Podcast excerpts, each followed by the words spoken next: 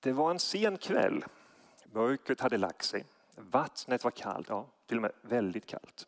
Och in i det sista hade det funnits funderingar hos dem alla. Men nu så skulle det äntligen ske. Dopet, nedsänkningen i vattnet. Att ens våga yppa tanken på att man skulle låta döpa sig var förenat med stor risk. De som såg dopet som avgörande var få till antalet, endast en handfull i hela landet. De allra flesta kom från fattiga eller jättefattiga förhållanden. De utsattes för förföljelse. Prästerskapet såg dem som den yttersta fienden. De utsattes för glåpord. De förlorade sina dagsarbeten och i vissa fall så misshandlade man dem. Deras barn de, de tvångsstöpte man in i den rätta läran. Och allt detta var en följd av deras tro. Men, nu kommer det. Men trots detta så valde de då ändå att döpa sig den kvällen. Och därmed så la man grunden, inte bara till de första som döpte sig, utan också den första baptistförsamlingen i landet. Det här exemplet är inte hämtat från Mellanöstern, eller Asien eller Afrika. För den här situationen är fortfarande vardag där. Det här exemplet är hämtat från Sverige. Vi backar. 1848 så, så skedde det. Vallersvik, dop och församling. Den första församlingen där man döptes. Så var situationen i vårt land för 170 år sedan. Men runt om i världen så är det här fortfarande vardag. Man får betala ett högt pris. Och det priset får man betala för att man låter göra rum för Jesus i sina liv. Temat för den här gudstjänsten, eh, men även hela sommaren, är Gör rum för Jesus. Och eh, du har fått lyssna till ett antal olika medlemmar i den här församlingen.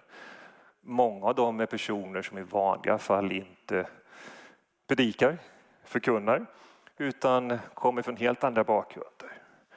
Och eh, vad de har fått uppgift att göra, det är att dela från Bibeln och dela det de upplever att Gud har lagt på deras hjärtan. Idag är det min tur. Johan heter jag. Jag har varit en del av den här församlingen i snart 20 år. Mina barn tycker att jag är gammal, ibland lastgammal och när man hör siffran 20 år så, ja, då är man gammal. Ehm, men under de här åren har jag tillsammans med min hustru fått uppleva att mina barn har blivit välsignade i församlingen. En av pastorerna vigde oss, inte för 20 år sedan, men nästan 20 år sedan. Och jag, jag skulle kunna listan lång på exempel. Men någonstans så landar det ändå i att Emanuel har varit hemma. Den text jag kommer utgå från idag, den är hämtad från Andra Kungaboken. Och det är för dig som är lite obekant med Bibeln en bok som du hittar i Gamla Testamentet.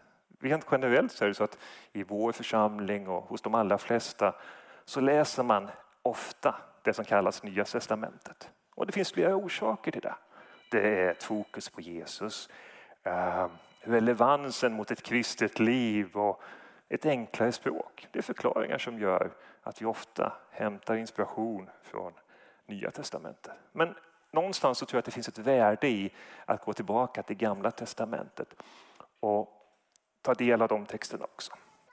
Kungaboken Eh, ingår i vad man kallar historiska böcker. Och det omfattar en period i Israels historia som spänner sig från kung Salomo och bort till dess att Jerusalem faller och det israeliska folket förs till fångenskap.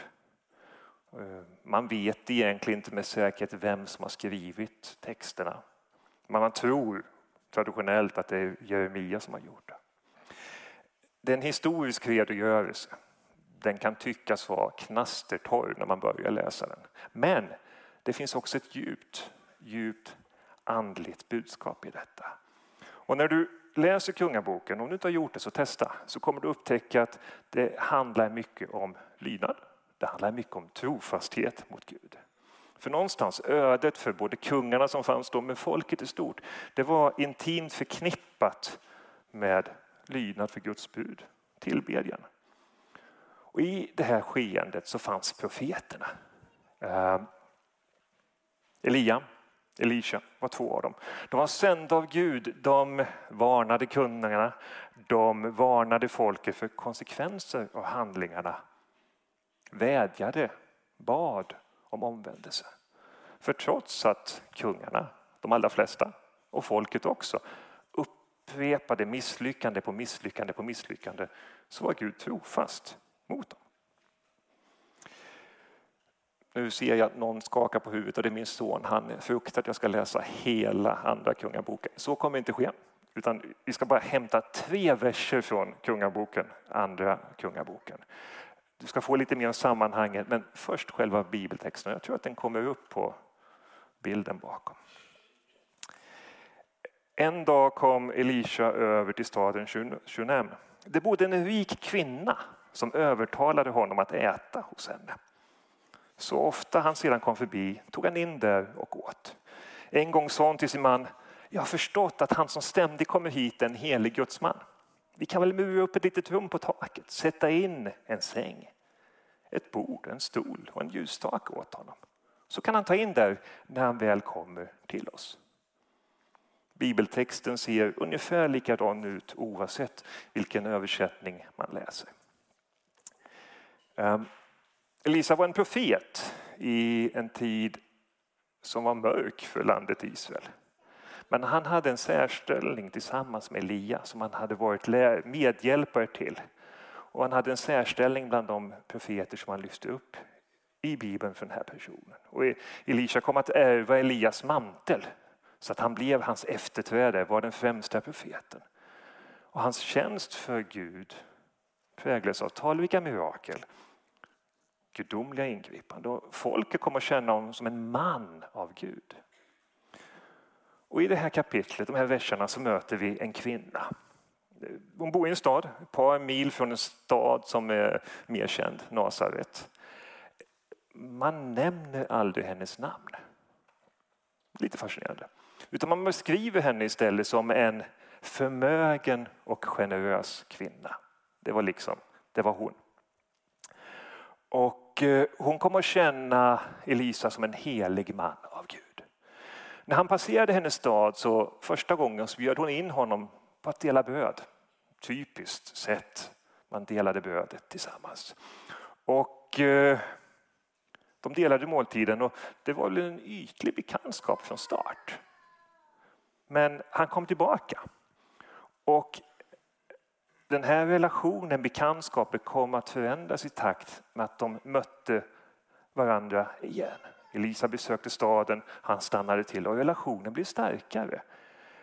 Hans närvaro och tjänstgöring som profet berörde den här kvinnan, återigen den generösa rika kvinnan, på det sättet att hon ville ta ett steg framåt. Mer än att bara säga kom förbi och ät när du passerar. Hon ville hedra honom och ge honom en speciell plats att bo under sina besök. Och det finns, det finns mycket, det finns jättemycket att hämta i de här eh, tre korta verserna. Det första är naturligtvis hennes generositet och gästfrihet. Hennes vilja att erbjuda måltider och så småningom det här bygga ett rum pekar på värdet av gästfrihet och generositet mot dem som tjänar Gud men också mot dem som är i behov. Men det andra är kanske lite mer intressant idag. Det andra är nämligen hennes önskan att få bygga ett särskilt rum för profeten. Och det finns ingenting som tyder på att den här kvinnan hade byggt sin förmögenhet på bed and breakfast, det vill säga hyra ut rummet till någon. Det är inte, det är inte så hon hade gjort sin förmögenhet. Uh, nej, ingen, ingen så tillfällig uppehåll, uppehälle mot betalning. Och det var inte heller så att hon byggde ett gästrum. Ni vet det här, det kommer förbi när man säger att ni kan ta gästrummet och stanna här om man har det. För vem som helst som man nu råkar bjuda in som passerar staden. Nej, det här var ett dedikerat rum, liksom en namnskylt. Det här rummet tillhör den här personen. Blott en person, en särskild person. Och hennes vilja att bygga ett rum på sitt tak var specifik för Elisa, profeten. Och det var hennes längtan att få göra rum för Gud. En längtan som idag för dig och mig innebär egentligen inbjudan till Jesus att få ett eget rum i våra liv. Och mina egna tankar inför dagens gudstjänst har varit mycket om hur lätt det är att erbjuda måltiden i relation till att bjuda in till det egna rummet fullt ut i mitt liv. För vad gjorde egentligen kvinnan när hon skapade detta rum? Det finns tre saker som man, som egentligen gör. Det första det var att det var ett synligt rum. Hon lät bygga rummet, var då? Jo, på taket. Det var inte så att hon sa vi bygger lite på baksidan, grannarna ser inte och vi, ja du vet. Och det var inte heller hon kom på den briljanta idén att ja, men du vet, det där gamla förrådet som vi inte har någonting i, det skulle ju kunna passa som ett, ja, ett rum åt honom när han kommer förbi. Att bygga på taket var ett ganska stort ingrepp. Det kom att förändra husets form. Grannarna såg definitivt att det var någonting som hade hänt. Eh, och det blev en synlig del av hennes liv. Eh, det kom att sända en signal ut till omgivningen som sa att hon värdesatte Guds profet och att hennes tro var någonting hon gav prioritet åt. Så det var synligt. Men det var också ett viktigt rum ur ett annat perspektiv. Det var på toppen av huset. Och då får man egentligen bege sig, in, bege sig ner till den här delen av världen. För takterrassen det är inte vilken del som helst av ett hus i regionen kring Medelhavet. Varken då eller nu. Det är en plats där man ska njuta. Man ska njuta av klimatet, man, man ser hela staden när man sitter där. Man ser stadens omgivningar. En plats där du äter, du möter människor, en plats där man kopplar av. Det är en viktig och väldigt uppskattad del av huset för de människor som har möjlighet att ha denna takterrass. Och det är det som gör det här till ett ganska obekvämt uppoffrande beslut. Hon säger, du mannen, kan vi inte ta och bygga det här? Han bara, vänta nu, vi ska alltså ta det bästa vi har och sen bara liksom ta bort en del av det och bygga ut så att han när han kommer ska ha ett eget rum. Ja. Hon valde att bygga rummet på bästa plats. Valde att avstå från att använda utrymmet för något annat ändamål. Andra prioriteringar fick åt sidan. För det här var för henne viktigare. Och det var något som var viktigare över tiden. Det var inte så att man kunde plocka ner rummet efter några dagar och säga, nej men du, vi backar. Och så tror jag att det är. Vi har alla olika prioriteringar i våra liv. Eh, vissa är viktiga här och nu, men andra bör vara viktiga över tiden. Och hon valde att prioritera. Hon valde att ta bort andra prioriteringar för att kunna göra detta, för att kunna ge rum till Guds profet. Och de här verserna som vi har läst tillsammans, de, de ger oss en förståelse för hur rummet dedikerat till Guds profet skulle inredas. Och lyssnar du en liten stund till nu så tror jag att du kommer kunna hitta bilder som tar dig in i din vardag här och nu. För vad var det egentligen hon sa? Om vi tar upp bilden igen. Vad var det hon sa? Hur skulle man inreda rummet?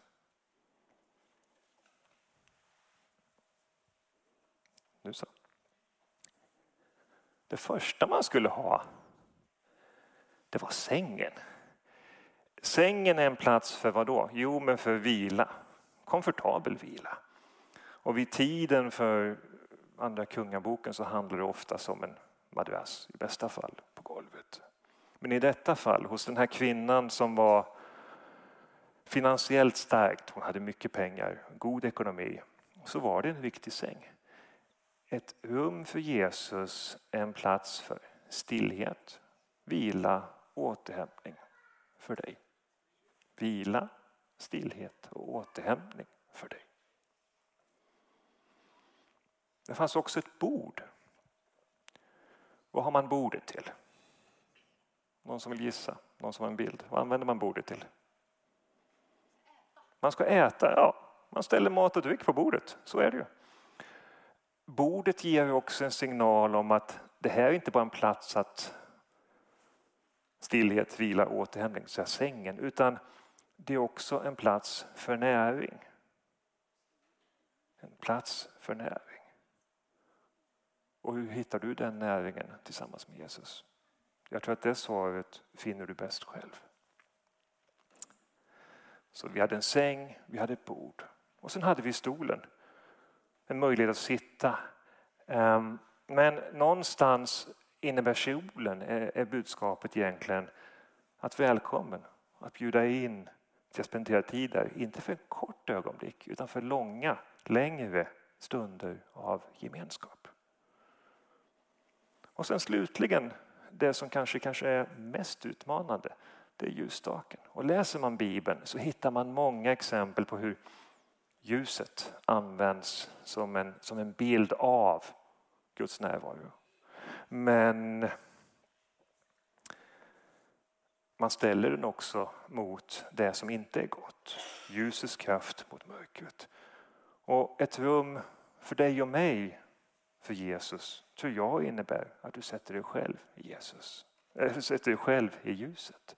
Och vad det innebär är egentligen att vi får komma till den punkten att allting vi har gjort, allting vi gör, inte är det ljusa. Utan vi bär också med oss saker som är mindre bra.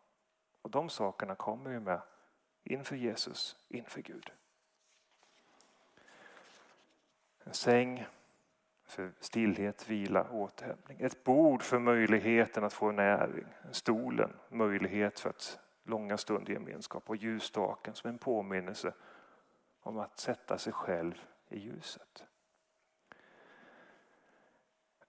Verserna från Andra Kungaboken talar om behovet av en särskild plats. En särskild plats för Gud i våra liv. En uppmaning till dig och mig att skapa utrymme i våra hjärtan, i våra handlingar och våra hem. Går vi tillbaka till Vallersvik 1848 till de få som gick ut i vattnet och lät döpa sig där så vågar de ta det här steget. För de visste att det skulle kunna bli konsekvenser. De utsattes för motstånd på ett sätt som jag skulle tro att de allra flesta av oss inte upplevt någon gång. Men likväl så valde de att ge rum för Jesus i sina liv. Deras prioritet var att bjuda in Jesus i sina liv trots konsekvenserna som följde. Och på samma sätt så finns det många kristna i Afrika, i Mellanöstern, i Asien som tar detta steg idag. Trots de konsekvenser som följer. Och vad är det då som händer om vi tar det här steget? Jag tror att svaret är detsamma om man nu läser vidare i Kungaboken. Det rum som kvinnan byggde kom att bli en plats för extraordinära händelser, mirakel. Här skedde förverkligandet av de drömmar hon bar på. Här fick hon uppleva mirakel. Den här kvinnan hon var barnlös. Men Elisa gav utfästelsen, hon har ingen son och hennes man är gammal. Nästa år, vid just den här tiden, ska du ha en son i famnen. Ett år senare så skedde detta mirakel. Och det var ett av många exempel på de här extraordinära, extraordinära händelserna som skedde utifrån detta rum. När jag satt i fredags och, och förberedde mig för detta så, så fick jag frågan från, från Emma som sa att jag ska skicka ut en, en, en, eh, ett mejl inför helgen och kan inte du bara skriva en kort hälsning? Ehm, och jag valde faktiskt att formulera den hälsningen på ett sätt som jag tror att jag själv hamnar i emellanåt. Jag beskrev gudstjänsten som ett av många val. Det kanske var stranden, det kanske var iväg och handla. Det kanske var en fotbollsmatch som vi skulle se på. Mikael och jag nickar instämmande åt det. Och sen kom gudstjänsten på sjätte plats. För mig är det så. Jag prioriterar inte alltid rätt. Och där har jag en resa att göra. För när vi prioriterar vår relation med Jesus, när du ger rum för honom i ditt hjärta och ditt liv, där han kan bo och påverka, inte bara söndag 11 till 11.45, så öppnar du dig för Guds välsignelse och gudomliga ingripande. Och här tror jag att vi som delar av samma församling har en uppgift och en möjlighet att hjälpa varandra att bygga och stärka våra rum för Jesus i våra liv. Amen.